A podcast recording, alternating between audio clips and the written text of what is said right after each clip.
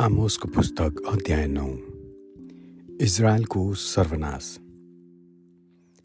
मैले परमप्रभुलाई वेदीको छेउमा उभिरहनु भएको देखेँ र उहाँले मलाई भन्नुभयो खम्बाका टुप्पा टुप्पा हिर्का र सङ्घारहरू हल्लिउन् सबै मानिसहरूका शिरहरू काटिदे र बचेकाहरूलाई चाहिँ म तरवारले मार्नेछु।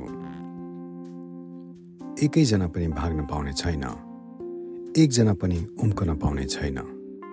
तिनीहरूले चिहानको गहिराईमा खनेर गए तापनि मेरो हातले तिनीहरूलाई त्यहाँबाट तानेर ल्याउनेछ तिनीहरू माथि स्वर्गमा ओख्ले तापनि म तिनीहरूलाई उँभो तानेर झार्नेछु। तिनीहरू कर्मेलको टाकुरामा लुके तापनि म त्यहाँबाट खोजी खोजिकन तिनीहरूलाई पक्रनेछु। तिनीहरू मदेखि समुद्रको पिँधमा लुके तापनि म तिनीहरूलाई डस्न सर्पलाई आज्ञा दिनेछु।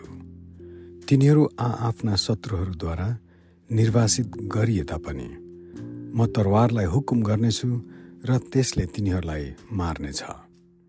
भलाइको निम्ति होइन तर खराबको निम्ति म तिनीहरूमाथि नजर राख्नेछु। सर्वशक्तिमान परमप्रभु परमेश्वर उहाँ नै हुनुहुन्छ जसले पृथ्वीलाई छुनुहुँदा त्यो पग्लन्छ। र त्यसमा हुने सबैले विलाप गर्छन् र सारा देश नील नदी झैँ बढ्छ अनि मिश्रको नदी झैँ घट्छ। उहाँ जसले आकाशमाथि आफ्नो वासस्थान बनाउनुहुन्छ र पृथ्वीमा यसको जग बसाल्नुहुन्छ जसले समुद्रको पानीलाई बोलाउनुहुन्छ र त्यसलाई जमिनभरि खन्याउनुहुन्छ। उहाँको नाउँ परमप्रभु नै हो। के तिमी इजरायलीहरू होइनौ? जो मेरो निम्ति कुशका सन्तान जस्तै छौ। परमप्रभु भन्नुहुन्छ के इजरायलीलाई मिश्र देशदेखि पलेस्तीहरूलाई कप्तोरदेखि र आरामीलाई किरदेखि निकालेर ल्याएको होइन र? परमप्रभुको नजर दुष्ट राज्यमाथि परेको छ। म त्यसलाई पृथ्वीदेखि नाश गर्नेछु। तापनि याकुबको घरानालाई म बिल्कुलै सर्वनाश गर्ने छैन। परमप्रभु भन्नुहुन्छ म आज्ञा गर्नेछु र इजरायलको घरानालाई समस्त जातिहरूका बीचमा अन्न नाग्लोमा निफने झैँ म चाल्नेछु र एउटा सानो ढुङ्गाको टुक्रा पनि भुइँमा खस्ने छैन। विपत्ति हामीमाथि आइपर्ने छैन। न त हामीलाई त्यसले भेट्नेछ भन्ने मेरो प्रजा मध्येका सबै पापीहरू तरवारले मारिने छन् इजरायलको पुनर्स्थापन।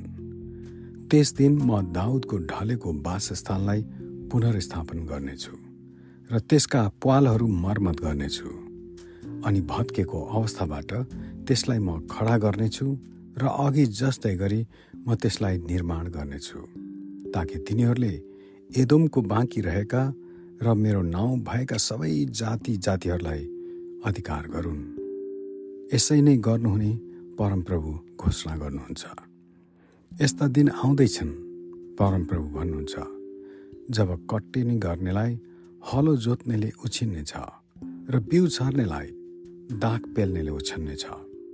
पर्वतहरूबाट नयाँ दागमध्ये चुहुनेछ र सबै डाँडाहरूबाट त्यो बग्नेछ। म मेरो निर्वासनमा गएका प्रजा इजरायललाई फर्काएर ल्याउनेछु। ध्वंस भएका सहरहरूलाई तिनीहरूले फेरि निर्माण गरेर तिनमा बास गर्नेछन्।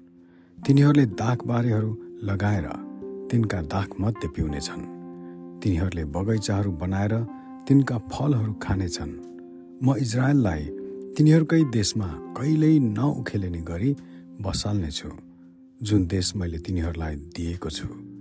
परमप्रभु तिमीहरूका परमेश्वर भन्नुहुन्छ। आमेन।